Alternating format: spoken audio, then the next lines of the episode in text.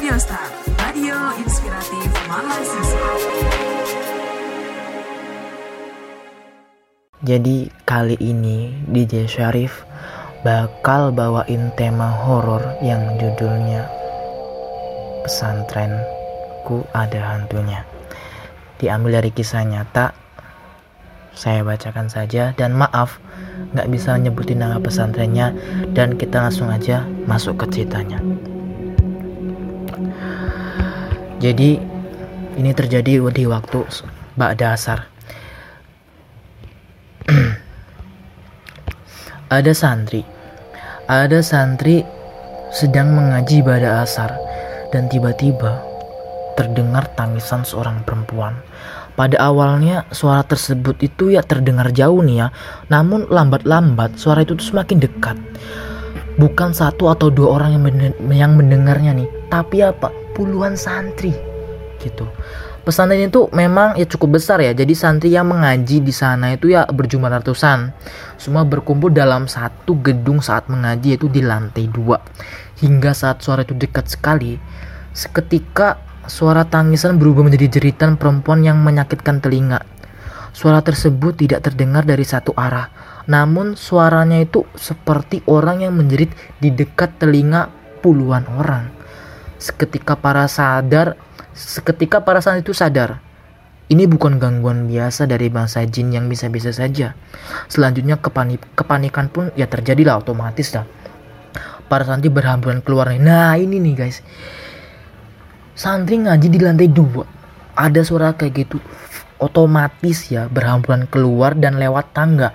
Nah kejadian di tangga ini karena berdesak-desak berdesak-desakan ada yang jatuh, ada yang patah tulangnya. Kan rame-rame nih ada yang keinjek-injek ada yang tertindih dan naasnya lagi sampai meninggal cu. Parah nggak gitu? Ketakutan yang menjadi kepanikan seketika menjadi duka. Belasan santri beri, belasan santri menjadi korban jiwa.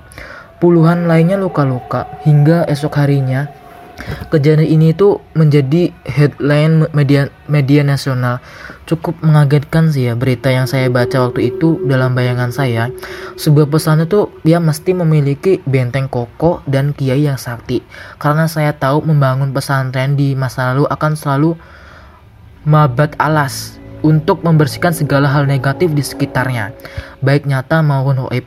Paling tidak ya para penunggu akan bisa dijinakan dan tidak sampai mengganggu saya berlebihan gitu.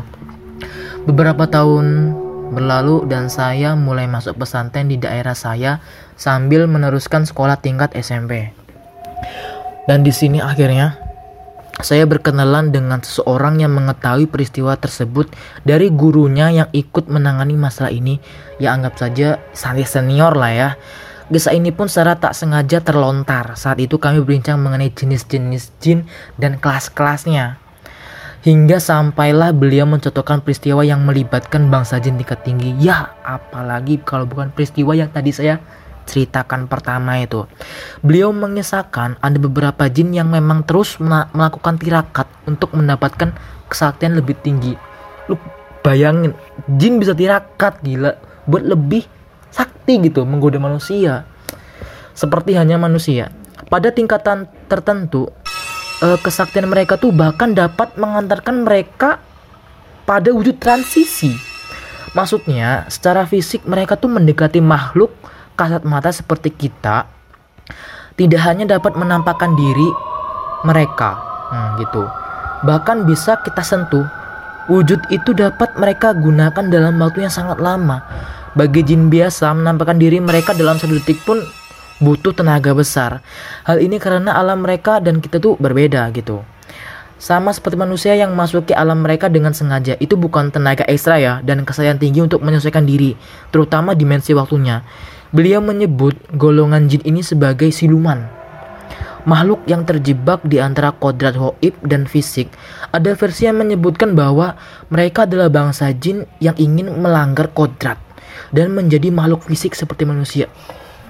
Bayangin jin mau jadi manusia. Aduh, gila. Aduh. Namun jutaan tahun pun mereka tirakat tetap kodrat Tuhan tidak bisa dilanggar.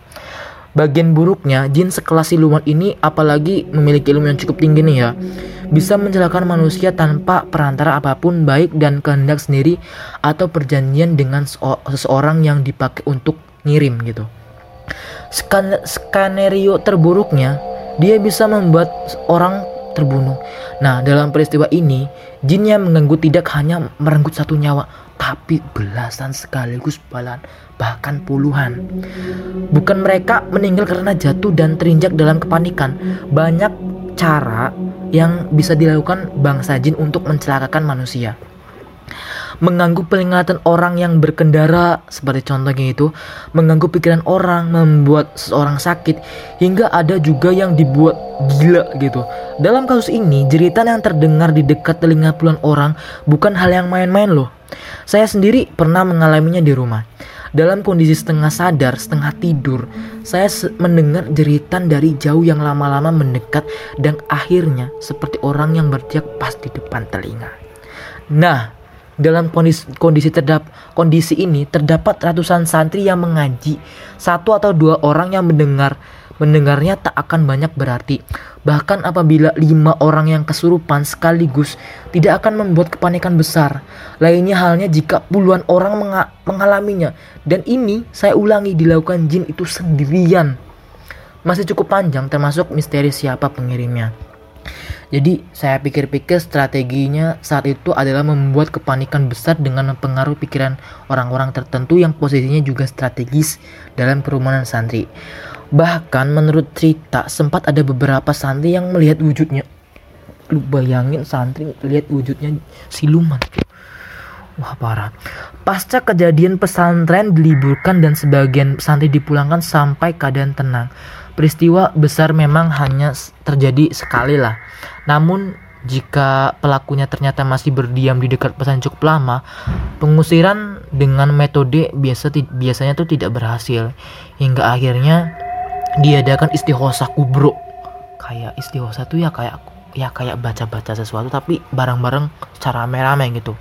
Yang mengundang para kiai dari seluruh penjuru Jawa Timur yang dilakukan selama 40 hari. Wah, lu bayangin ngundang kiai seluruh penjuru Jawa Timur selama 40 hari istiqosa kubro. Uh, buh. Gila, gila. Nah, sebenarnya proses pengusiran hanya berlangsung sehari saja. Namun yang menjadi masalah adalah setiap kali diusir, jin ini tetap kembali. Lah, emang sifatnya jin tuh kayak gitu. Ya, nakal ya. Diusir balik lagi, diusir kembali lagi. Seperti itulah. Hingga istihosa 40 hari ini adalah untuk membangun benteng super kokoh supaya tidak bisa mendekat lagi.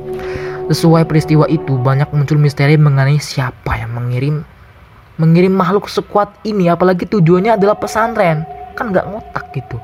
Sementara teori terkuat yang saya dan banyak orang yakin adalah peristiwa ini terkait dengan akhir masa kekuasaan Presiden Soeharto. Gejolak konflik tahun 90-an memang mulai terasa di mana puncaknya adalah peristiwa reformasi 98. Kasus aktivis hilang meningkat, mayat pria bertato ditemukan hampir setiap hari, gesekan antar golongan semakin sering terjadi dan masih banyak lainnya. Kayak gitu. Nah, Kiai di pesantren tersebut merupakan salah satu tokoh berpengaruh baik di NU maupun di PPP, sehingga banyak menjatuhkan beliau termasuk dengan cara metafisika. Hal ini juga masih bisa dikaitkan dengan peristiwa-peristiwa pasca reformasi di akhir 90-an hingga awal 2000-an. Masih teringat jelas peristiwa pembunuhan dukun santet Bayu Banyuwangi nih yang meluas menjadi teror ninja. Sasaran pembunuhan ini banyak merupakan tokoh NU. Ninja yang melakukan teror waktu itu bukan seperti ninja ala-ala corona, bukan. Tetapi lebih seperti ninja dalam film Ninja Assassin gitu. Sehabis maghrib, hampir tidak ada sama sekali aktivitas anak-anak di luar rumah karena menurut keterangan para saksi yang katanya melihat langsung dalam gelap ada sepasang mata melihat pasukan ninja yang katanya tidak bisa dilumpuhkan dengan senjata apa pun dapat menghilang dalam gelap dan maupun melompat dan berpinjak pada ranting kecil atau kabel listrik. Mereka berkeliling untuk membunuh penghuni rumah yang dicat merah. Keadaan waktu itu tidak menentukan tidak menentu. Banyak isu-isu yang menyebar cukup cepat di masyarakat di zaman di mana internet belum seperti sekarang, apalagi medsos nih ya. Tapi anehnya, itu cepat berkembang Isu ini cepat berkembang dan menyebar ke seluruh penjuru Nusantara.